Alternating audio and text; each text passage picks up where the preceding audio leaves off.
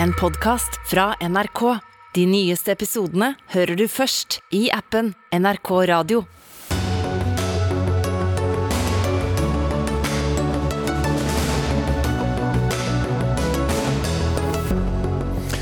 Stortinget og statsministerens kontor slår ring om representantene som betalte for lite skatt for pendlerboligene sine, mener reglene fra skattemyndighetenes side er mangelfulle. Når en av verdens rikeste menn besøker energimesse i Stavanger, får det oppmerksomhet. Mye oppmerksomhet. Men eh, hva slags budskap hadde egentlig Tesla-eier Elon Musk da han besøkte Norge? Det skulle være Norges månelanding, annonserte en viss statsminister for 16 år siden. Men nå er det blitt kommersiell butikk for CO2-fangst, men bare i utlandet. Og det skulle bli dagens reise for NASA i retning månen, men det ble ikke noe av. Hvorfor er vi igjen så opptatt av månen 40 år etter at vi sist stakk innom? Ja, Med det ønsker jeg velkommen til ukens første Dagsnytt 18. Jeg heter Espen Aas. Vi starter med at uh, Stortinget og statsministerens kontor i dag kunne ha bøyd av for skattemyndighetenes krav uh, i kjølvannet av de mange pendlerboligsakene, og betalt beløpet som de er avkrevd. Men nei. Begge har avvist kravet om tilbakebetaling av for lite arbeidsgiveravgift i forbindelse med 45 saker der politikere har trolig betalt for lite skatt når de har fått gratis pendlerbolig. Og Kyrre Grimstad, du er fungerende stortingsdirektør og svarer da for den delen som har med de folkevalgte å gjøre, ikke regjeringsmedlemmene. Hvorfor mener dere skatteetaten tar feil her? Ja, Vi har fått et forhåndsvarsel fra skatteetaten om et mulig vedtak om arbeidsgiveravgift og har benyttet anledningen vi har som part til å komme med noen innspill og merknader til den tolkningen av skattereglene som skatteetaten kommer med i forhåndsvarselet. Mm. Bare for å bryte deg av, enhver som har lest disse innspillene, kan jo lese at det er ganske klar tale. Dere mener at det ikke er slik skatteetaten skal Ja, skatteetaten mener jo i forhåndsvarselet at man må ha fulle markedsmessige kostnader til bolig på hjemstedet for å kunne få pendlerbolig i Oslo skattefritt. Og Det innebærer jo f.eks. at en representant som leier ut et rom i en bolig på hjemstedet, så vil få full skatteplikt på hele verdien av pendlerboligen i Oslo. Og Vi har gått grundig gjennom lovens forarbeider og tidligere skattepraksis. og vi kan ikke se at det er dekning i loven rett og slett for et slikt krav. Og hvis skatteetaten da har rett i sin tolkning, så er det fort mange flere stortingsrepresentanter som kan ha en dårlig sak her? Det har jeg ingen formening om. Vi I vårt svar på forhåndsvarselet så uttaler vi oss om den saken som gjelder Stortinget, som gjelder arbeidsgiveravgift. Og våre merknader går jo på tolkningen av generelle skatteregler knytta til den skatteplikten. Mm. Men, men, for å snu på det, det betyr at hvis tolkningen dere legger til grunn, så er det ikke sikkert at disse mye omtalte pendlerboligsakene er så alvorlige, da? eller? Vi har jo ment tidligere, vår forståelse av skattereglene har vært at det ikke har noen betydning hvordan man ordner boforholdene hjemme for om man har rett til pendlerbolig skattefritt i Oslo. Og En konsekvens av den tolkningen som skatteetaten kommer med, som jeg vil peke på, det er at representantene vil få ulike rammevilkår for utøvelse av vervet i Oslo. Det er jo slik at alle som reelt bor langt vekk fra Oslo og pendler til Oslo som representant, har et behov for bolig, har på en måte det samme behovet for bolig i Oslo. Men nå vil man altså skille når det gjelder skatteplikt, ut fra hvordan man har ordnet boforholdene på hjemstedet. Og Det strider mot et prinsipp som vi har hatt på Stortinget i all tid, om at representantene skal ha tilnærmet like vilkår for utøvelse av vervet. Skaper ikke det da et skille mellom folkevalgtes beskatning og andre? Det gjør det ikke. Vi snakker jo her om generelle skatteregler. og som vil få anvendelse også for andre arbeidstakere og andre, andre som pendler. Så f.eks. Det, det eksempelet jeg hadde med utleie av et rom i egen bolig, det vil jo lett kunne gjelde for andre, andre pendlere som har behov for pendlerbolig på arbeidsstedet. Da er det opp til skatteetaten å svare tilbake på, på, deres eh, brev, så da takker jeg deg av, Kyrre Grimstad, fungerende eh, direktør ved Stortinget. Men vi slipper ikke saken helt, for eh, leder av partiet Rødt på Stortinget, Bjørnar Moxnes, du har kalt det som Stortinget har gjort i dag, og senere også statsministerens kontor, for skandaløst. Skulle de bare betalt det? Nei, Det er jo helt uh, fornuftig uh, at Stortinget oversender ren informasjon om hvordan man har informert representantene om de skattemessige forholdene. Det har vi ingen problemer med. Men det som er skandaløst, det er at eh, Stortinget inntar en aktivistisk rolle overfor skattemyndighetene og går inn som part i denne saken her. Stortinget skal eh, vedta eh, lovene, men ikke overprøve de myndighetene som utøver disse lovene. Og det er veldig få andre i arbeidslivet som eh, får juridiske betenkninger om unnskyldelige forhold hvis de ikke har betalt den skatten de skal betale. Og I tillegg snakker vi om eh, en gruppe eh, som ikke er arbeidstakere, altså representanter på Stortinget, som har forholdsvis romslige vilkår ellers, forholdsvis grei avlønning Eh, og som ikke kanskje er blant de mest avmektige i vårt samfunn. Og med tanke på den tillitskrisa som disse sakene har forårsaket ute blant folk eh, inn mot Stortinget, så tror vi det er uklokt eh, å fortsette langs denne aktivistiske veien som man har fulgt. Man burde heller oversendt det som var nødvendig informasjon om de enkelte tilfellene hvis det var relevant. Eh, om det var noen unnskyldelige forhold der, for så myndighetene vurdere. Men ikke eh, fortsette med det som man har gjort i ett års tid, nemlig å prøve å gå til kamp mot skattemyndighetene i denne saken. Ok, Det er altså uh, presidentskapet på Stortinget da som har svart skatteetaten, men det er uh, Stortingets administrasjon og direktøren som nettopp var her i studio som skal administrere det videre.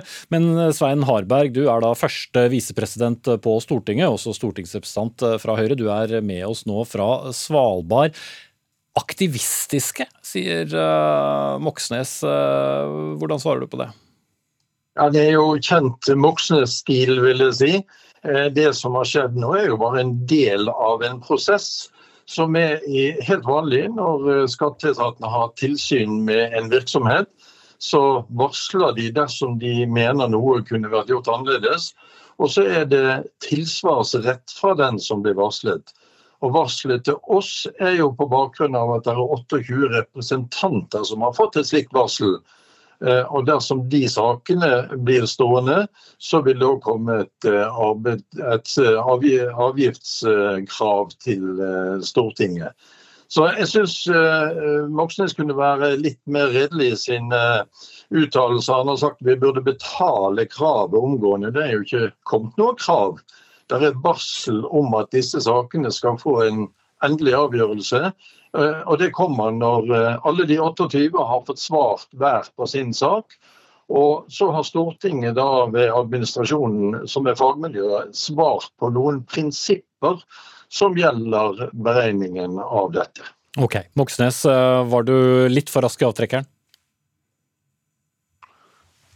Nei, jeg mener jo ikke det. Jeg mener vi har godt grunnlag for å, å si at det er en stor forskjell på å oversende ren faktainformasjon om de enkelte tilfellene eh, det snakkes om her. Altså når det gjelder ulike saker hvor folk har, eh, har fått goder de ikke skulle hatt, og ikke betalt den skatten de skulle ha betalt.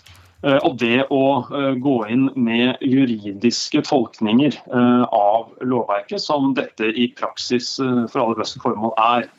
Og så er det jo sånn, da, mener vi, at selvsagt så må man kunne vurdere om eh, det er riktig at, eh, at private forhold bosteder ikke skal spille inn eller ei, men at Stortingets presidentskap stiller seg bak en tolkning av loven som administrasjonen har utarbeida, er jo et tydelig signal fra Stortingets flertallsparti og store partier om at de ønsker å ta en fight med skattemyndighetene på det juridiske grunnlaget. og Det er noe annet. Mm. Ta, ta, den, eh, Svein Harberg. for eh, Som landets eh, lovgivende forsamling, eller lovgivende makt, så sender det jo et visst signal når presidentskapet der ikke godtar dette opprinnelige varselet fra skatteetaten. Men her er noen forutsetninger som blir feil her. For det første så sier Moxnes at dette er stortingsrepresentanter som ikke har betalt den skatten de skulle gjort. Det er ikke avgjort ennå. Det er jo nettopp det som er prosessen nå. At det er diskusjon om det skal være sånn eller sånn. Det andre er at det er helt naturlig at de prinsippene som ligger til grunn, som også berører Stortingets håndtering av dette, de svares det ut på. Og så må vi ikke blande Stortinget som eh, lovgiver, altså det politiske som lovgiver, og institusjonen Stortinget, som i denne sammenheng opptrer som arbeidsgiver og den som skal betale arbeidsgiveravgiften. Eh, for det er noe helt annet enn lovgiver Stortinget, eh, og må ikke blandes sammen. Moxnes-saken er jo, som det er blitt påpekt både fra direktøren og fra Harberg i presidentskapet, her, ikke avgjort. Eh, så det kan jo godt være at eh, representantene og Stortinget og statsministerens kontor ender opp med å betale nettopp de summene som skatteetaten mener den skal betale når saken er endelig avgjort. Ja, og Det skulle jo bare mangle. Eh, det var for øvrig ikke vi som sa betal nå, det var et annet parti. Men vi har jo altså selvsagt skal jo Stortinget betale avgiftene som følger uh, av det som blir utfallet av de enkelte sakene. Annet ville jo vært uh, helt vanvittig. Så det er jo helt selvsagt og burde ikke vært tema for diskusjon i det hele tatt. Men det er jo sånn da at presidentskapet stiller seg bak en juridisk vurdering som sier at det ikke er grunnlag Eh, for tilleggsskatt. At det er unnskyldelige forhold eh, og lignende. Eh, og Det mener jeg er å innta en helt annen rolle enn å oversende ren faktainformasjon til skattemyndighetene om hvordan informasjonen har vært fra Stortinget til den enkelte representant. Og Det er også kanskje litt privilegieblindt når man gjør dette. Det er veldig få andre som har havnet i trøbbel med skattemyndighetene, som har en tilsvarende uh, tilleggstjeneste som nå ytes disse representantene. og Det tror jeg nok en del uh, folk uh, kanskje med rette reagerer litt på. Svein Harberg, det er jo mange som peker på at det kan fremstå som det er ett sett regler for vanlige folk og et annet for folkevalgte? Ja, Nå har jo nettopp fungerende direktør presisert det, og det sier skattemyndighetene òg. At dette er det samme som gjelder for alle andre, så det er ikke noe eget for stortingsrepresentanter. Og Når det gjelder tilleggsskatten, så går ikke den på hvordan den enkelte eh, har håndtert sin sak. Den går på om Stortinget bevisst har unndratt dette fra beskatning. Det er jo det som er grunnlag når det kommer til tilleggsskatter. Og Det syns vi vi godt kan stå bak. at Vi kan ikke se at Stortinget bevisst på noen måte har prøvd å unndra ting fra beskatning. Dette er saker som er mot enkeltrepresentanter, og vi skal selvfølgelig, som vi presiserer i svarbrevet, når denne saken er avklart, betale det vi skal betale. Men det er jo avhengig av hva som blir resultatet i de 28 enkeltsakene. Og Så får vi se hva skatteetaten svarer til brevene som er sendt både fra statsministerens kontor og fra Stortingets presidentskap. Takk til Svein Harberg, som er første visepresident og leder av Rødt, også stortingsrepresentant Bjørnar Moxnes.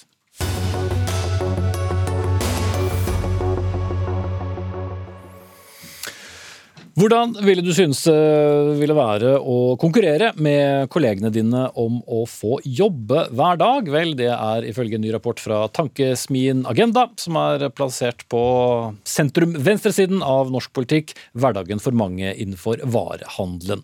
Der eh, jobber nemlig 46% ufrivillig deltid, som det heter seg, og for å få nok lønn til å dekke de vanlige utgiftene, ja, så må ansatte ifølge tankesmien slåss om å få nok vakter. Og Dette har gjort deg opprørt, eh, stortingspolitiker fra Arbeiderpartiet og andre nestleder i Stortingets eh, arbeids- og sosialkomité, Tuva Moflag. Hva er det som opprører deg? Da høres det ut som det er veldig mange som kan eh, frivillig jobbe deltid? Du oppsummerer jo noe av hvorfor dette opprører meg, men jeg syns rett og slett det er urettferdig at så mange folk må ta til takke med små stillingsbrøker som de ikke kan leve av, som ikke gir en god nok lønn, som gjør det vanskelig å etablere seg. Jeg tok et søk på finn.no i dag for å se hvordan ser det nå egentlig ut i praksis i dag. Eh, og rundt 1600 utlyste stillinger i butikk og varehandel, så er halvparten deltidsstillinger. Men for meg som er siviløkonom, kommer fra privat næringsliv, når jeg skal ut og jobbe igjen en gang etter politikken, så er det kanskje bank, forsikring, finans. Der var det 3,6% deltidsstillinger. Og det syns jeg rett og slett er veldig urettferdig. At jeg som har utdannelse og god lønn, jeg kan også få fast og full stilling, mens folk som har en betydelig lavere lønn enn det jeg kan forvente, også må ta til takke med små stillingsbrøker. Men tror du alle som jobber i hverandre har lyst til å jobbe 100% stilling? Ikke alle, men 46% som du refererte i innledninga sjøl, sier jo at de jobber deltid ufrivillig. Og det vi også ser, er at blant de som jobber deltid i varehandel, så er det enda flere kvinner enn menn. Så det er både en likestillingsutfordring, men det er også en samfunnsøkonomisk utfordring, fordi vi ikke utnytter den arbeidskrafta som er der. Eh, og særlig i en situasjon som Norge er i nå, hvor det er stor manko på arbeidskraft. Stian Sigurdsson, eh, direktør for samfunnspåvirkning i Virke. Du ser der derimot på deltid som et gode. Hvordan kan det være et gode? Eh, jeg mener at eh, deltid som sådan er et gode. Eh, husk på at i dag så har vi mange som jobber deltid fordi de har et lovkrav på det. Det kan være helsa som gjør at du jobber deltid. Du har de som velger å jobbe deltid fordi de ønsker mer fritid eller andre ting. Men de 46% som har ufrivillig deltid, som er det vi diskuterer her? Ja, altså, la meg si det den måten. Jeg skulle ønske at det var ingen i Norge som uh, definerte at jeg hadde ufrivillig deltidsarbeid. Så der er dere egentlig enig? Ja, jeg tror det. Ja, skal jeg takke for at dere kom, da, eller? altså, det er jo veldig bra at uh, vi er enig i det. At uh, folk må få lov til å jobbe heltid så langt det lar seg gjøre. Men samtidig, når vi da ser på utlysningene på Finn f.eks., hvor halvparten av stillingene er deltidsstillinger, mens andre bransjer ikke har det i det hele tatt, så tenker jeg at vi må se at, eller erkjenne at varehandel har et deltidsproblem som vi ikke ser Og dere, i andre bransjer. Dette vil dere gjerne da prøve å løse med å endre lovverket? Ja, vi har jo lagt fram et lovforslag som vi får til behandling i Stortinget nå til høsten, hvor vi vil lovfeste at heltid skal være normen i norsk arbeidsliv, og også gi tillitsvalgte eh, mer inngripen i det som skjer. At det skal drøftes med de tillitsvalgte før man eh, utlyser stillinger på deltid, og at arbeidsgiver også må begrunne hvorfor det er behov for en deltidsstilling. Og i den eh, hovedavtalen som man har mellom Virke og Handel og Kontor, så erkjenner man jo at man ønsker å jobbe for å redusere ufrivillig deltid, men likevel så har vi ikke kommet langt nok. Så jeg vil jo egentlig utfordre Virke til å, å være med på det løftet som vi vil prøve å få til i høst, med denne heltidslovendringa som ligger på bordet. Men fra Virkes side så hørte jeg det gode gamle uttrykket 'skyte spurv med kanon' når det gjaldt dette lovforslaget. Ja, altså Hvis jeg kan svare på noe annet først fordi at... Eh, Hvorfor det? jeg skal svare deg etterpå, eh, programleder. Nei, Poenget her, det høres ut som, som eh, arbeidsgiver innenfor eh, varehandelen eh, våkner hver morgen og egentlig bare har et mål om å få utnytta sine deltidsansatte. Det vi skal huske på her, at varehandelen, det de våkner til hver dag, det er de skaper 400 000 arbeidsplasser, der de fleste unge som jobber i norsk arbeidsliv, får sitt første møte med arbeidslivet. Det er der mange som f.eks. flyktninger får sin språk- og arbeidsopplæring. Det er der eh, de uten kompetanse kommer inn i arbeidslivet. Så det er viktig å ha med seg inn i det. Når det gjelder dette lovforslaget, så eh, mener jeg at det man er i ferd med å gjøre der, er å skape et byråkratimonster. Eh, og det er sånn at eh, Regjering og storting har en sånn egen vaktbikkje som passer på når de skal lage nye lovregler, dette regelrådet. Og de har jo gitt stryk til det forslaget som ligger. Og Det mener jeg eh, regjeringen burde ha tatt hensyn til når man gikk videre med det, men det har man ikke. Så man har gått videre med et forslag som allerede har fått ganske sterk kritikk det er jo et forslag hvor det er de tradisjonelle skillelinjene som vi ser. Arbeidsgiversida er mot, og arbeidstakerforeningen og Arbeidstilsynet er for. Og det er sånn at Regelrådet har jo ikke noe vetorett på, på forslag, det er én høring, høringsinstans blant mange andre. Og, og jeg syns det blir helt feil når man snakker om Eller det er veldig flott, egentlig, la meg snu på det. Eh, varehandel er en flott arena for folk å få arbeidstrening, for studenter til å få eh, deltidsarbeid. Men det kan ikke være malen. Folk folk vil ha varehandel som en livslang karriere. Det er veldig mange som jobber i varehandel som ikke er studenter, som ikke er de som skal prøve seg inn i arbeidslivet. Det er folk som vil jobbe der hele livet. Og da kan ikke de deltidsansatte være malen. Vi må snu på det. At deltid er noe du fyller på med, men at heltid skal være normen også i varehandel. Ja, altså som jeg sa, jeg, jeg, skulle ønske at det ingen som definerte som ufrivillig deltid, men det er noe sånn at det er noen mekanismer. Dette er ganske komplisert. Man har lange arbeidsåpningstider. Det er en bidragsfaktor her. Eh, det er ulikt trøkk til ulike tider av døgnet. Det krever deltid. Så her er det ting som man må se på i en sammenheng. Eh, og det der jeg tror at vårt største oppgave som ligger foran oss nå, det er å få organisert opp større deler av varehandelen. Både på arbeidsgiversiden på arbeidstakersiden. Da får vi noen nye verktøy som vi ikke har i dag. Får vi brukt de, da er jeg sikker på at vi kan få gjort noe med den problemstillingen vi snakker om i dag. Nå høres dere litt eh, enige ut igjen, så jeg er nesten eh, fristet til å bryte av der. Men, avslutte, ja. Ja, men det, er vi, det er vi veldig enig i. Og eh, organisasjonsgraden i varehandel er lavere enn i andre bransjer. Og det er klart når tillitsvalgte får flere verktøy som de får nå, så håper vi at det også kan bidra til å øke organisasjonsgraden. Og vi har jo dobla fagforeningsfradraget, som gjør det enda enklere for de som har lavere lønninger, til å kunne organisere seg. Så vi vil egentlig bare utfordre Virke til et godt samarbeid fremover, og håper at vi kan Eh, prøve å løse denne floka en gang for alle. Mm. Skal du slippe å si at eh, du selvsagt er for eh, godt samarbeid, Stian Sigurdsen fra Virke. Eh, Anita Hoemsnes, du er kommentator i, i Dagens Næringsliv og satt deg del inn i denne problematikken rundt heltid, deltid. Eh, altså, hva er det denne problematikken egentlig omhandler? For det er mye enighet, men det blir også fort mye uenighet på dette spørsmålet? Absolutt, og det er jo absolutt ikke noe nytt. Jeg bare gjorde et lite søk jeg også, og det var på andelen NOU-er som er eh, gjort på altså, nettopp deltidsproblematikken. Ja. Som er kommet fra Stortinget, og den første var i 2004. Og så kom det en i 2015, og så i 2016 var det noen som satte seg ned og skulle diskutere, altså partene i arbeidslivet, og diskutere det samme, og de gikk rett og slett fra hverandre etter ett år uten å bli enige om noe som helst. Så hadde det vært enkelt å løse, så hadde det vært løst for kanskje 18 år siden? Ja, altså jeg tror det går på og det som er innmari synd, er jo det at dette er kvinneyrker. ikke sant? Både i, i, varehandelen og i helse, hvor det er ekstremt mye deltidsjobbing, så er det eh, en stor andel kvinner som jobber. Og det med deltid det gjør jo at svært mange ikke er i stand til å være økonomisk selvstendige, som ikke klarer å kjøpe seg noe sted å bo, ikke klarer økonomien med samlivsbrudd f.eks. Og det er jo system, altså det er jo kritisk for veldig mange. Så det å sette eh, bedriftene i stand til å, å få flere i heltid, er kjempebra. Jeg er ikke sikker på om det lovforslaget som ligger i Stortinget nå, er eh, det som kommer til å være liksom Eureka, eller hva man skal si. Men, Fordi, men, ja, for, men, mange vil jo også jobbe 80 man vil ha mer tid eh, hjemme, eller man er i en livsfase hvor det å jobbe eh, fullt ikke er det man vil. Vil et sånt lovforslag egentlig ødelegge for det?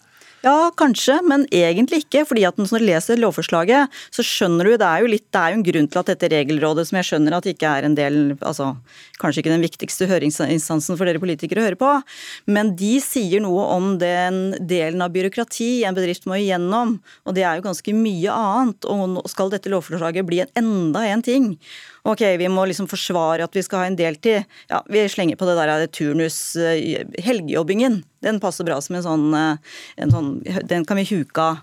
Og hvis det bare er sånn, så blir det bare en formalitet. Og det vil ikke føre så veldig til at så veldig mange vil jobbe heltid da. Det som det kan føre til, er at det blir en nyttig diskusjon, en bevisstgjøring på at, eh, at er det virkelig en heltid eller deltid vi trenger nå. Men hvis man har diskutert det i 18 år, hvorfor skulle det store Eureka komme i 2020? Nei, jeg er veldig usikker på det. Så, men, men, nettopp det for å få den diskusjonen opp igjen, så kan det sikkert være nyttig. Men jeg er som sagt usikker på om dette er eh, det store lovforslaget som løser alt. Men eh, den store løsningen eh, har vel da Det var det som var mitt poeng, heller ingen da kunne komme med. Så man må diskutere seg gjennom nok et lovforslag og kanskje enda noen til, før man finner en, en brøk som fungerer. Ja, nei, men det er noe med det helt sånn grunnleggende som gjør at man ønsker selvfølgelig den fleksibiliteten å jobbe helt deltid, og så er det dette også ofte i lavtlønnsyrker. Og da med kvinner i lavtlønnsyrker så det, har vi jo en historikk som tilsier at ikke da er det vel en par til som, eh, som styrer husholdningen eh, hjemme, som gjør at man blir avhengig av, av disse to lønningene med en liten lønn fra kvinnen i huset, som også gjør omsorgsoppgavene hjemme. Dette er jo masse forskning på som, som viser dette nå. Mm. Kan i hvert fall love at ikke det er siste gangen vi diskuterer det i Dagsnytt 18. San Minor, Anita Holmsnes, kommentator i Dagens Næringsliv, Tuva Moflag, stortingsrepresentant fra Arbeiderpartiet, og Stian Sigurdsen fra Virke.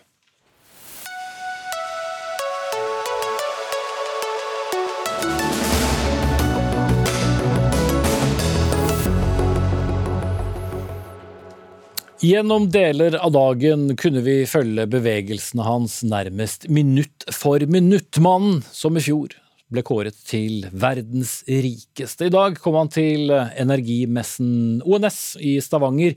Nibarnsfaren og Tesla-eier Elon Musk. Og hva sa nibarnsfaren? Jo, verden trenger enda flere barn. Men la også til at eh, Norge må lete etter mer olje på kort sikt og eksportere mer vind- og vannkraft for sivilisasjonens skyld. Det kunne jo nesten høres ut som en helgardering til hvilket som helst publikum han møtte, dette Hilde, Hilde Øvrebekk, kommentator i Stavanger eh, Aftenblad. Var det en ren sjarmøretappe han kom til? Du har vært til stede i Stavanger gjennom dagen. Ja, det, altså det, Han passer i alle fall inn i det narrativet som eh, ONS har, og egentlig uh, regjeringen og de fleste politikerne i Norge. Når han hyller Støre for vindkraftsatsing til havs, og han sa han elsker Norge fordi at vi har subsidiert hans elbiler, så er det jo er det jo fordi at han, eh, han tjener på dette, og han, han eh, er jo eh, egentlig posterboyen for ONS. Posterboy Tina Saltvedt, sjefanalytiker i Nordea. Du mener at Musk tolkes ulikt av de som driver med olje og de som holder på med fornybar energi. Hvordan da? Jo, altså oljesektoren ser jo dette som et uh, initiativ til å begynne å produsere mer. Uh, og han snakker selvfølgelig da om kort sikt. Fordi det er jo ingen tvil om at bl.a. Europa trenger jo mye mer uh, energi på veldig kort sikt. Vi, en del velger jo da å tolke dette positivt, at man skal bore etter mer olje og gass.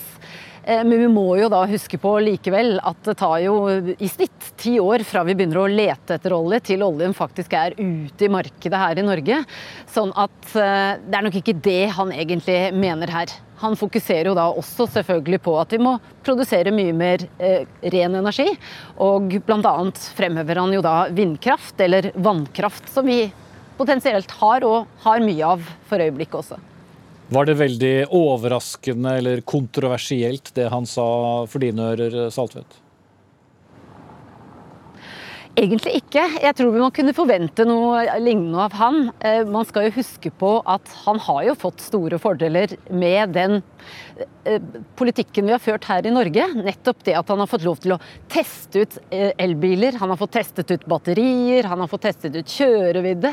Slik at han har kunnet bruke Norge som et testmarked for på denne måten å forbedre bilen, og dermed da kunne ta den ut til de større markedene, som han sikkert vil kunne sende, selge enda mer på sikt. Mm. Eh, Hilde Øvrebekk, tilbake til deg igjen. Som kommentator i Stavanger Aftenblad så skriver du jo mye om eh, olje-, gass- og energisektoren eh, i Norge. Var det egentlig så mye for deltakerne på Energimessen, som det nå heter, å, å ta med seg hjem til, til sine bedrifter etter å ha hørt på Elon Musk? Jeg tror nok det er sånn som eh, Tina Saltvedt sier, at det, det blir tolka i hvilken retning du vil. Eh, sånn at jeg har snakket med en del både lokale politikere og eh, oljefolk her som var veldig veldig fornøyd med den åpningskonferansen eh, og det som ble sagt der. Og, og da tolker de nok i den retningen at, eh, at det er fortsatt olje og gass som gjelder, og at Eh, at det er i tråd med det som ONS nå står for, eh, å bygge på olje og gass, og bygge ut fornybar energi på toppen av det. Mm.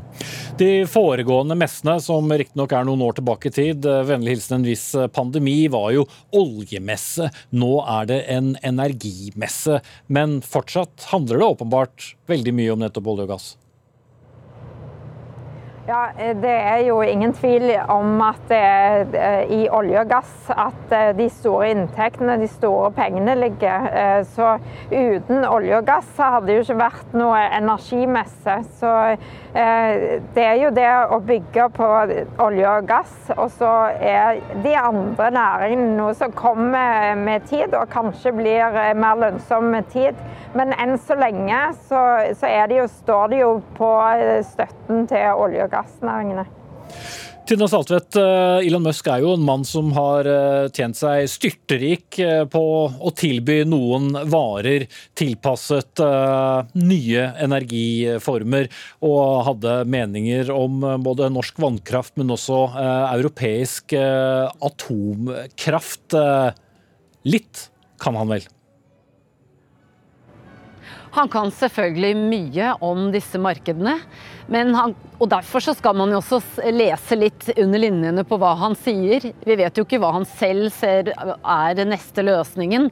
slik at det kan jo være noe han selv har satset penger på også. Eh, men det er jo ingen tvil om at han følger jo disse markedene tett. Jo, eh, og han har jo vært tidlig ute med ny type teknologi. Han har vært banebrytende, og det er det ingen tvil om. Så det er jo spennende å høre hva han sier om markedene. Selv om han sannsynligvis snakker norske politikere litt etter ryggen. Det må vi regne med.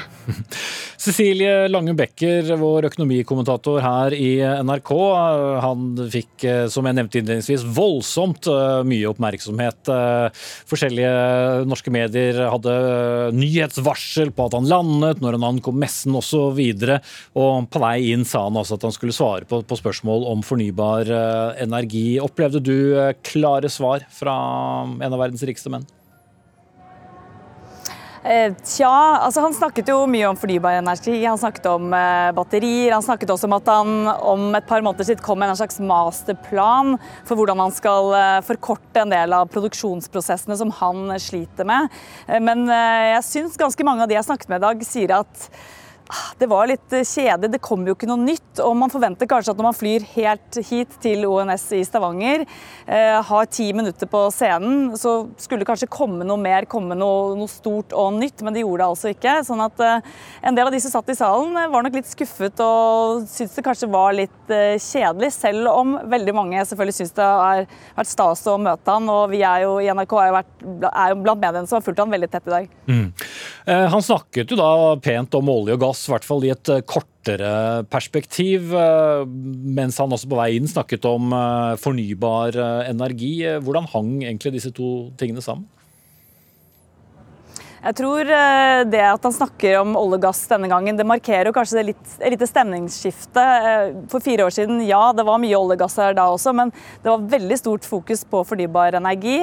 Nå har jo denne energi situasjonen i Europa den har jo på en måte løftet olje og gass egentlig eh, enda høyere på agendaen og har fått eh, egentlig et omdømmeløft, kan man eh, nesten si.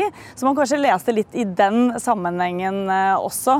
Sånn at det er kanskje ikke så overraskende. men og det også, som kanskje overrasket meg litt, er hvor mye vekt man legger på at han snakker om at Norge må lete etter mer olje og gass. Det er jo ikke sånn at Elon Musk er en autoritet på verken olje- eller gassleting. Og han har jo ikke noe innflytelse over norske politikere og, og hvor mye man skal lete fremover heller. Så litt posterboy for eh, energimessen? Ja, Det er jo klart at det er jo stas eh, for ONS å ha han her. Og, og, og han skaper jo veldig mye oppmerksomhet. Men som sagt, det er noen få spørsmål på vei inn. Man sitter på en scene uten spesielt kritiske spørsmål, eh, vil jeg si. Der hvor han får si omtrent akkurat det han selv har lyst til, og så går han ned. Sånn at uh, hvor mye man egentlig får ut av hans opptreden, annet enn en sånn veldig god reklameeffekt, det er jeg kanskje litt usikker på. Og Nibarnspappaen sa også at verden eh, trengte flere barn i dag, men var det Musk selv som kom med dagens mest oppsiktsvekkende uttalelser på energimessen? Ja, det er jo mye dystre nyheter her, og kanskje det som jeg har bitt meg mest merke i, er Shell-sjefen som snakket om eh, hvordan Europa kommer til å måtte leve med energirasjonering inn i denne vinteren, men også inn i neste vinter. At det kommer til å ta lang tid, det kommer til å bli tøft. Eh, vi har gasspriser nå som er 30 ganger høyere enn de var for bare to år siden. Og det er bare noen måneder til vi går inn i en ny vinter. Takk skal du ha, Cecilie Lange Becker, økonomikommentator i NRK. Takk også til Hilde Øvrebekk, kommentator i Stavanger Aftenblad, og Tina Saltvedt, sjefanalytiker i Nordea.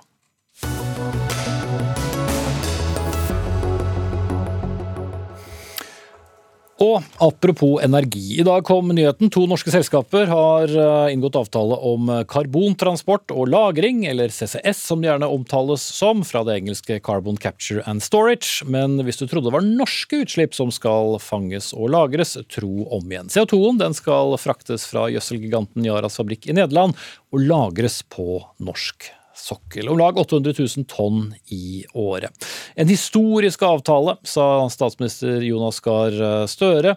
En gladnyhet, ifølge klimaministeren, som sitter her i studio. Men Olav Øie, seniorrådgiver for klima og industri i Bellona med nettopp CCS som spesialfelt. Dette var ikke nok.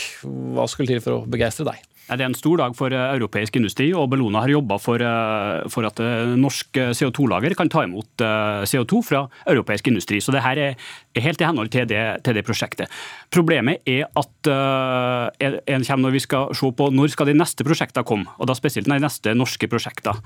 Ehm, det er rundt fem millioner tonn fra fastlandsindustrien med CO2 som, som, kan fanges og lagres, minst sannsynligvis en god del, god del mer.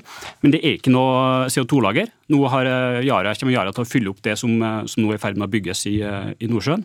Um, og det er heller ingen insentiver for å fange CO2. Så det vi lurer på er uh, når kommer regjeringa med virkemidler for de neste norske fangstprosjekter som skal komme i kjølvannet av, uh, av Norcem og Klemetsrud, som, som, er i ferd med å bygges. Så er de to anleggene i Norge. Espen Barth Eide, klima- og miljøminister fra Arbeiderpartiet. Mange hadde kanskje trodd at dette skulle være noe som også hjalp på norske utslipp, men foreløpig ikke? Men det gjør det jo faktisk, fordi vi har jo de nevnte prosjektene, både Norcem og Klemetsrud, og mange andre er jo under Eh, utredning ulike steder i systemet, fordi karbonfangst kommer til å være en viktig del av framtida. Men, men, det vi begynner å lage, er utenlandsk? Nei, vel, altså vi, I Norge har vi lagret i 25 år fra Sleipner-feltet, så det er jo ikke første gang. Men dette, men dette, er den første kommersielle kontrakten. Og det som gjør at jeg sa dette er en stor dag og en merkedag, det er at vi har på mange måter har vi nå landet på månen, da, for å vise tilbake til Jens Stoltenberg. Der kom den, ja. ja. Jo, ikke sant, fordi at, fordi at nå er det faktisk sånn at Yara International har vist at du kan gjøre gjøre dette på kommersielle vilkår. Det er fordi teknologien er utviklet i riktig retning, fordi vi nå har en, eh, et, en lagringsorganisasjon og et lagringssted, eh, Øygården og ute i Nordsjøen. Og fordi karbonprisen er blitt såpass høy, nemlig 100 euro eller 1000 kroner, at dette begynner å lønne seg i markedet. Og jeg tror det er et utrolig viktig signal at det også går an å få til karbonfangst og -lagring uten statlig støtte. Det betyr ikke at ikke staten også skal stille opp der det trengs, men det er ikke mulig å tenke seg at vi subsidierer oss gjennom klimakrisen. Vi er altså nødt til å gjøre markedet klart for at man tar disse beslutningene kommersielt. Og da har Yara, som sitter her, vurdert at eh, det er smartere å fange og lagre karbonen enn å betale utslippene i det lange løp, som jo blir stadig dyrere. Men det, det. Men det tror Øye da spør om, og jeg tror mange også lurer på, altså, hva, hva, er det som gjør at noe fangst er kommersielt lønnsomt og annen ikke? Altså, Hva er, er forskjellen da f.eks. På, på det som vi har lagret fra, fra Sleipner, eller det som da befinner seg på disse to uh, anleggene Magne Klemetsrud og Nordsjøen? Det er selvfølgelig avhengig av hva du skal fange, så er det ulike teknologier. Noen ganger må du fange fra røyken fra et fabrikkanlegg, noen ganger kan du fange rett fra prosessen. Det er ulike priser på dette. Men det, det som nå skjer, er at denne teknologien utvikler seg nå med stormskritt. Og jeg tror dagens nyhet vil inspirere veldig mange der ute. og Derfor er jeg ekstra glad for at det er en internasjonal kontrakt, som jo også viser at det både vår regjering og den forrige eh, regjeringen til Solberg, og før det Jens Stoltenbergs regjering har sagt. Norge kan bli, ta ledertrøyen i teknologiutvikling, men vi kan også tilby gode og sikre steder for å lagre karbon. Og Det var det som var ment for 16 år siden da vi snakket om månelanding. Nå er vi altså der at dette har begynt å lønne seg i markedet. Det er mye mer som skal skje, men dette er en virkelig, virkelig god nyhet for klima, men også for grønn omstilling av moderne industri. Litt for utålmodig Bellona Øye? Eh, ammoniakkproduksjon er jo blant de enkleste og billigste, billigste typene industri der du kan kutte utslipp ved hjelp av, av CO2-transport og -lagring. Så det er prosjektet i, i Nederland, Yara sitt prosjekt, det egner seg, egner seg, veldig bra. Men så er det jo det CO2-lageret Uh, som, som Yara skal sende den CO2-en til, det er jo, uh, er jo allerede støtta i stor grad av den norske, norske staten. Uh, og denne typen garanti som vi mener at den norske staten og også andre europeiske land vil måtte gå inn med. For det er riktig at Når CO2-kvoteprisen går opp, så vil CCS lønne seg i større grad. Men det vil fortsatt være usikkerhet rundt akkurat hva CO2-prisen vil, vil, være. og Derfor har bl.a. Nederland innført et system der de betaler, betaler ut til bedrifter den forskjellen på CO2-kvotepris og det det koster å redusere klimagassutslipp. Får, så, så det er ikke så rent kommersielt likevel? da? Nei, Det er jo kommersielt. Eh, kommersielt det skal det jo eh, skal det være en betydning at det skal, det skal, lønne seg mer å kutte utslipp enn det skal gjøre å fortsette å, fortsette å slippe ut. Men de må ha en, en løsning, og når du ikke har et CO2-lager, da kan ikke Yara transportere og lagre CO2.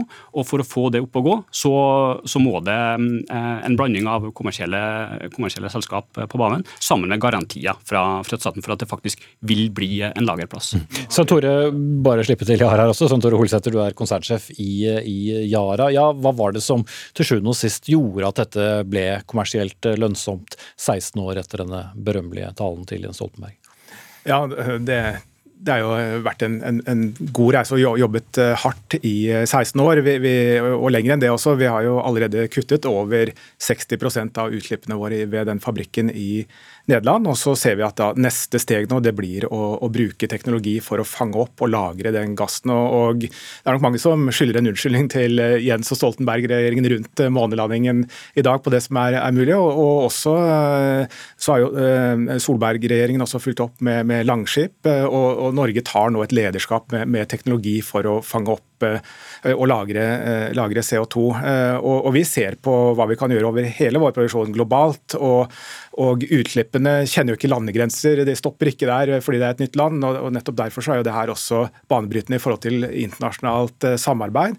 Og, og det er det som må til. Altså, vi er nå i 2022, det er åtte år igjen til 2030, og da må vi ta de utslippene vi kan nå. Mm. Men, men jeg har da øye rett i at det må litt hjelp til også fra myndighetene i hvert enkelt land, selv om der hvor måte, felles atmosfære ting slippes ut i, som, som gjør eh, og, fangst og lagring mer mer kommersielt lønnsomt i f.eks. Nederland, da, men ikke lønnsomt i et naboland? Ja, Vi må starte et eh, sted. og eh, Det er et felles ansvar fra næringslivet og fra myndighetene også å legge til rette for at man i den initielle fasen utvikler teknologi og skaper skala som gjør det kommersielt over tid. og eh, Det er det vi ser nå, at nå er det kommersielt mulig. Det betyr ikke at vi ikke har en jobb å gjøre på det kommersielle ut i vår verdikjede. Vi jobber jo hver dag med våre kunder også for å, å skape en villighet til å betale for karbonnøytrale eller lavkarbonløsninger. Så det, det er en pågående ja, Mitt smulepoeng, bare for å forsøke å gjøre publikum også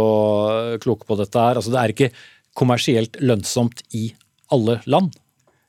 Nei, jo ikke i alle industrier eh, heller, men, men, vi må jo starte et sted. og så må vi starte der det er mulig. og Så er det noen selskap som må ta en eh, lederrolle der, og noen land som må ta en lederrolle. Der har Norge, Yara og Nederland nå tatt en, en ledelse.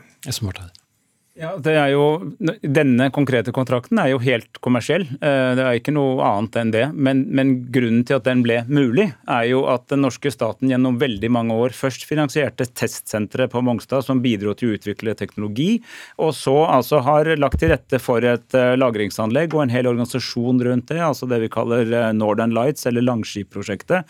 Så det er jo milliarder av skattekroner som har gått inn og gjøre det mulig for at dette skulle skje en dag. Og så er det jo heller ikke slik slik at ikke vi støtter opp om prosjekter som ikke lønner seg i markedet ennå. Det er jo det vi gjør på, nettopp på Norcem og på Klemetsrud og etter hvert på flere andre anlegg også.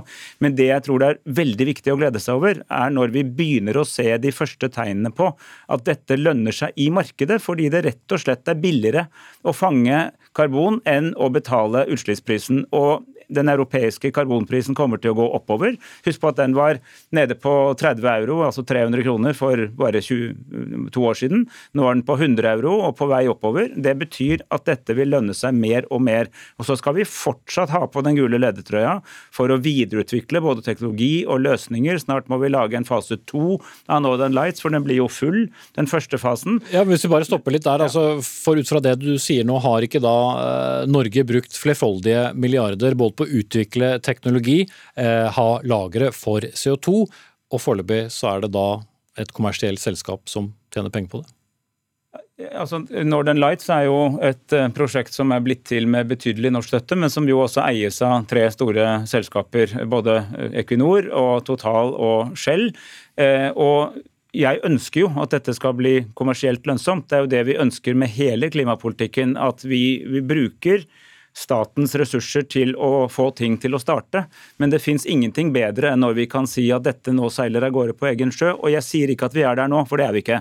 Det er, det er riktig, som Bellona sier, at dette er en enklere fangstmetode enn del av de andre fangstmetodene.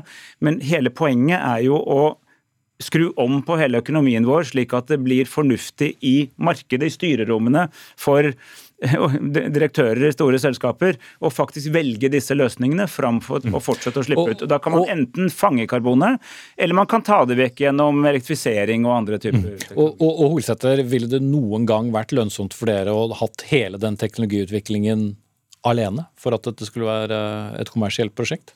Det her må jo være et samarbeid, eh, og eh, noen må ta, eh, ta lederskapet i, i, det og gjøre det kommersielt mulig. og Da, da må det skapes skala. Det må vi gjøre i, i samarbeid for å få det bærekraftig over tid. og da, da, drar vi jo med oss flere. og Der har vi jo en, et ansvar både fra næringslivet, men også Norge som nasjon, å være med å bidra til løsninger. Vi har kapital, vi har kompetanse, og, og, og, og verden trenger deg. Se på FNs klimarapporter. det blir mer og mer alarmerende. Vi er nødt til å få ned utslippene, vi må få det ned raskt.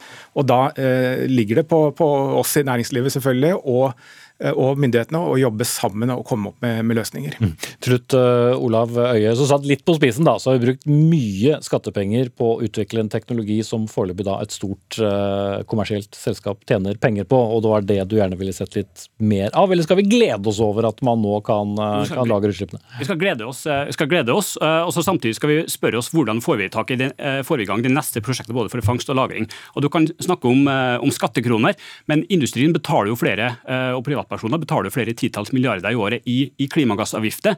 Og de klimagassavgiftene gjør ikke bare, bare der for å plage, plage folk i industri. De er for at det skal, både skal bli eh, insentiv for å kutte utslipp, men også kan det brukes til å finansiere klimateknologi. Og når vi er på full fart mot 1,5 graders oppvarming, Norge skal kutte eh, over halvparten av sine eh, utslipp i løpet av åtte år, da må vi bruke flere av de midlene til å ta i bruk teknologier vi allerede har. Og her er fangst og lagring av CO2 blant de rimeligste, billigste eh, og blant dem som vi kan ta i bruk bruk nå. Det var i hvert fall en eh, månelanding. Litt senere i sendingen skal vi til en månelanding som foreløpig ikke har skjedd. Men takk til uh, Olav Øie i Bellona, Svein Tore Holsæter, konsernsjef i Yara, og klima- og miljøminister Espen Barth Eide fra Arbeiderpartiet.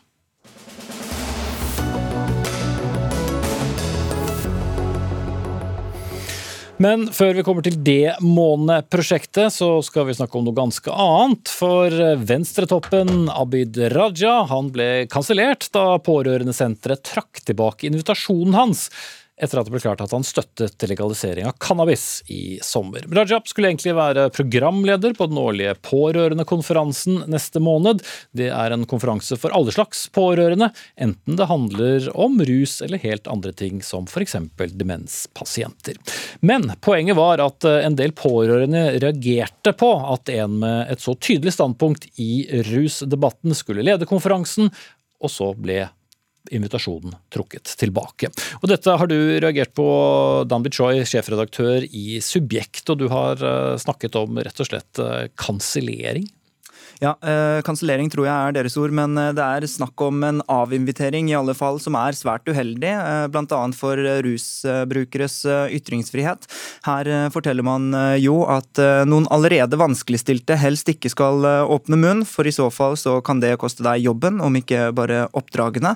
Og det er klart at Abid Raja han har fremdeles jobben, men signalet dette sender, det er svært uheldig. Og så er det jo sånn at det er ikke bare bare å arrangere. Når du skal arrangere arrangere, så handler det også om at du som arrangør må stå i noen valg. Og det er klart at noen alltid kommer til å reagere, men det er en svært lei tendens at de få, og høylytte og lettkrenkede, da skal få bestemme over programmene, over vi som kuraterer forskjellige scener.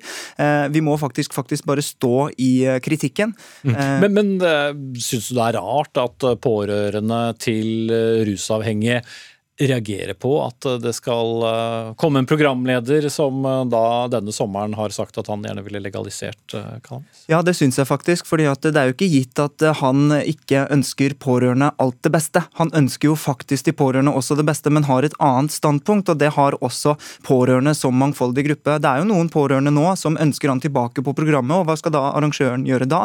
Hun kan ikke hoppe tilbake frem og tilbake hele tiden, hun må faktisk bare stå i noen beslutninger. Og Abid Raja står jo for Eh, legalisering. Eh, og legalisering har jo vist seg eh, bl.a. i Canada og i Colorado å ha en god og positiv effekt. Det, blir, det har bl.a. ført til mindre bruk blant ungdommer. Så det, det, har ingen sammenheng, dette at Abid Raja, som er for legalisering, står der på programmet og liksom er noen ond har noen ond hensikt, da, for det har han ikke. Få høre med deg da, Unn Birkeland, du er da daglig leder for Pårørendesenteret. Ville det vært så problematisk om han hadde hatt dette vervet som programleder eh, sammen med deg på konferansen? Nå er det nok sånn at Dette ligner veldig veldig mye på et etisk dilemma. Eh, her er det ingen løsning som er 100 rett, og det er heller ingen løsning som er 100% feil. Men det vi så, det var at reaksjonene fra store grupper pårørende gikk på at konferansen fikk en annen valør en annen type oppmerksomhet enn det vi ønsker. Nå er ikke dette en ruspolitisk konferanse. Det er faktisk ingen egne bolker eller poster på programmet som handler spesifikt om rus. Men mange pårørende opplever likevel at når en programleder som har profilert seg så tydelig i debatten, skal være synlig gjennom hele konferansen, så kan innholdet i konferansen oppleves annerledes for deg. Så Men ingen lurte vel på hvilket standpunkt Venstre uansett hadde i eh, rusreformen, så hvorfor kom det som en overraskelse over Abid Rajas eh, standpunkt da så tett opptil? Du, Det kom som en overraskelse at han var eh, så tydelig, og at det sånn sett òg farga konferansen på en måte som vi ikke ønska at det skulle gjøre. Og Derfor gjorde vi en vurdering og bestemte oss for at vi avslutta det samarbeidet. Det som eh, skjer nå, er jo at eh, denne konferansen har fått svært mye farge. Den har fått eh, svært ruskonservativ farge som følge av en avlysning som er et mye større signal å sende enn en invitasjon. Det er ikke sånn at Abid Raja ble invitert, sånn som Birkeland også presiserer, for å holde ruspolitisk, en ruspolitisk tale. Han var programleder, og selvfølgelig har han som alle andre meninger, men det som er uheldig med dette, er at de med meninger ikke skal få lov til å stå på en scene, og da går, har dette en såkalt såkalt nedkjølende effekt på eh, hva folk ytrer. da. Mm. Og, Birkeland, eh, landets helseminister, som tilhører da Arbeiderpartiet, som uh, sørget for et flertall mot den foreslåtte rusreformen, er til stede. Jeg forstår at du selv stiller som ordførerkandidat for Senterpartiet, som også var negativ overfor rusreformen. Så blir det ikke farget uansett, da? Nå er det sånn at Statsråden er invitert på denne konferansen for å ha en åpningstale og for å dele ut pris til årets pårørendekommune. Det har statsråden gjort i alle år siden denne konferansen starta i 2017. Og det er sånn, for å si det på en annen måte, at Hvis Abid Raja var statsråd og ledet det departementet som har ansvaret for pårørendearbeid, så var det han som hadde stått og hatt den åpningstalen og delt ut prisen. Men det er rollen som statsråd som er invitert, ikke privatpersonen Ingvild Kjerkol. Og det er sånn for min egen del at det her er skillet mellom jobb og det som er politisk verv, veldig tydelig. Nei, eh, jeg mener at det er eh, veldig uheldig dette. Og én av fire har altså prøvd cannabis, minst, kommer det frem i ulike undersøkelser fra eh, Norge. Og, og, hvis man ikke skal tillate dem å tale på en scene fordi at de en eller annen gang i ungdommen har prøvd cannabis, så vil det være direktører, politikere, snekkere, kunstnere osv. som eh, av moralistiske grunner eh, ikke får jobb. Og så er det jo også sånn at det er svært høyt stigma knyttet til det å ha brukt rus, og det bør det ikke være, og dette bidrar til det. Eh, men eh, verst av alt uh, syns jeg altså at det er, denne tendensen til at eh, de få og høylytte skal få bestemme, og det er en veldig uheldig tendens. fordi at diskusjon er bra, og vi lærer av hverandre ved at ulike stemmer kommer og taler. Og selv de ruskonservative på denne pårørendekonferansen må altså tåle at noen er uenige med dem. Jeg tror på denne eksponeringsterapien mye mer enn at man skal høre på de få og høylytte og kansellere de man ikke ønsker mm. på scenen. Og Birkeland, Abid Raja skulle vel uansett, som du selv selv påpekte, ikke fronte sine meninger i den debatten? Jeg tror ikke har verken eh, noen innlegg om dette ruspolitiske standpunktet sitt, og heller ikke delta i noen paneldebatt. Som skulle være med å binde sammen et rikholdig program. Et program som skal fortelle om statusen i hele Norge på pårørendearbeid. Innsikt i kommuner som har gjort et godt arbeid, innsikt i sykehus som jobber godt med pårørendearbeid. Innspill fra store organisasjoner som har pårørende i lag med sine brukere, og innspill fra pårørende i ulike faser i livet og med ulike diagnosegrupper. Det er ingenting av dette som ikke kan ledes av en programleder som innrømmer å ha brukt rus før. Det, det kan du ha helt rett i, men samtidig så er det sånn at uh, de reaksjonene vi fikk i første omgang er like viktige som de reaksjonene som har kommet i etterkant. Så det er ikke sånn at vi først nå valgt å ta et politisk standpunkt. Vi tok eh, heller ikke et politisk standpunkt når vi valgte han, men det å nå velge å ikke ha han med i programmet i det hele tatt, er en slags form for en nullstilling. Og så tenker jeg at det er viktig for framhevet her nå at denne konferansen handler om så mye mer.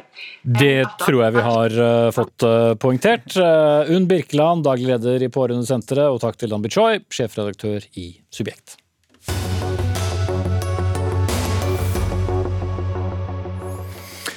Og så skal vi til den store begivenheten som ikke fant sted i dag, nemlig NASAs nye romrakett, som etter planen skulle bli skutt opp klokken 14.30 norsk tid. Men den raketten den står fortsatt på bakken. Etter eh, heftig lyn og tordenvær i natt så ble det oppdaget en sprekk i drivstofftanken, og drivstofftanken som det til og med heter, og utpå dagen i dag ble det klart at denne oppskytingen må utsettes. Neste mulighet er førstkommende fredag. Arvid Bertheo Bertheu Johannessen, du er fagsjef ved Norsk Romsenter. Det var et det var et lite vindu da, som man hadde for å sende opp denne raketten, og det gikk altså ikke. Var du, var du skuffet? Ja, altså På en måte var jeg det, men dette er eh, ikke uvanlig når man har denne type oppskytinger. Det er mye her, som skal klaffe? Her er det mye som skal klaffe. og Jo nærmere man kommer oppskytingstidspunktet, jo mer er det som nærmest sagt går galt, jo mer er det som skal klaffe. Så det er ganske så vanlig at man velger å terminere, løse problemene og, og finne en ny tid. Så, sånn sett så venter jeg spent på neste mulighet, som er på fredag. Ja. Mm. Eh, nå snakker vi jo nesten som om dette skulle være en sånn dagligdags ting, men det er det overhodet ikke. og Akkurat denne oppskytingen har det vært knyttet veldig mye eh, spenning eh, og oppmerksomhet til. Hvorfor det? Ja, Det er riktig. Eh, det skytes jo stadig vekk opp eh, satellitter i forskjellige fasonger. Men, men, men dette er jo, den, denne oppskytingen er jo på en måte debuten til det store Artemis-programmet som er i regi av NASA. Eh, stort internasjonalt samarbeid med hvor Canada, Japan og også Europa, eh, først og fremst med ESA, europeiske romorganisasjonen, i førersetet. Og Norge er jo medlem av ESA igjen. Så um, dette er den første oppskytingen i Artemis-serien, da, hvor man skal ha de første tre, hvorav den første er ubemannet. Den andre er bemannet, og den tredje er bemannet, og da skal man lande på månen. Mm. Så dette blir veldig spennende. da. Vi sluttet jo å lande på månen for mange tiår siden, så hvorfor eh, denne eh, nyvunne interessen for, eh, for, månen? Ja, Hvorfor skal vi tilbake? Ja, altså, det har gått 50 år siden vi, vi, var der sist. Mye har skjedd siden den gang. Bemannet romfart har vært mye fokusert på den, den internasjonale romstasjonen som går rundt jorda. Men eh, nå skal vi tilbake til månen for å utforske månen videre. Vi har fått ny teknologi osv. Og, så videre, og vi har fått flere spørsmål. Litt har skjedd på 50 år? Det kan du si. og, og eh, vi vil også utvikle teknologi for å komme lenger ut i solsystemet.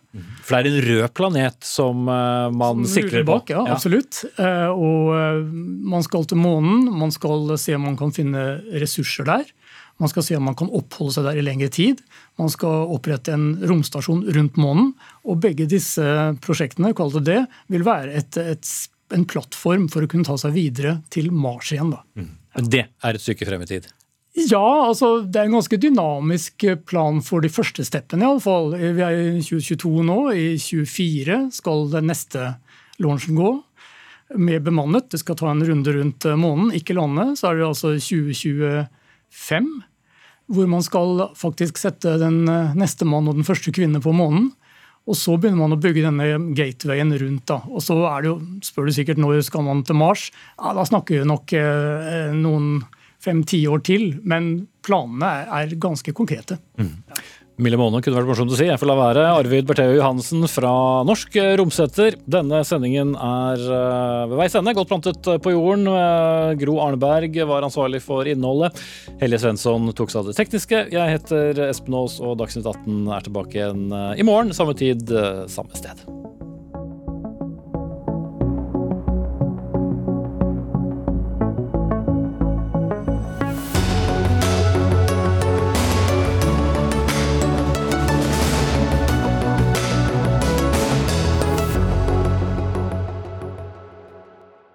Du har hørt en podkast fra NRK. De nyeste episodene hører du først i appen NRK Radio.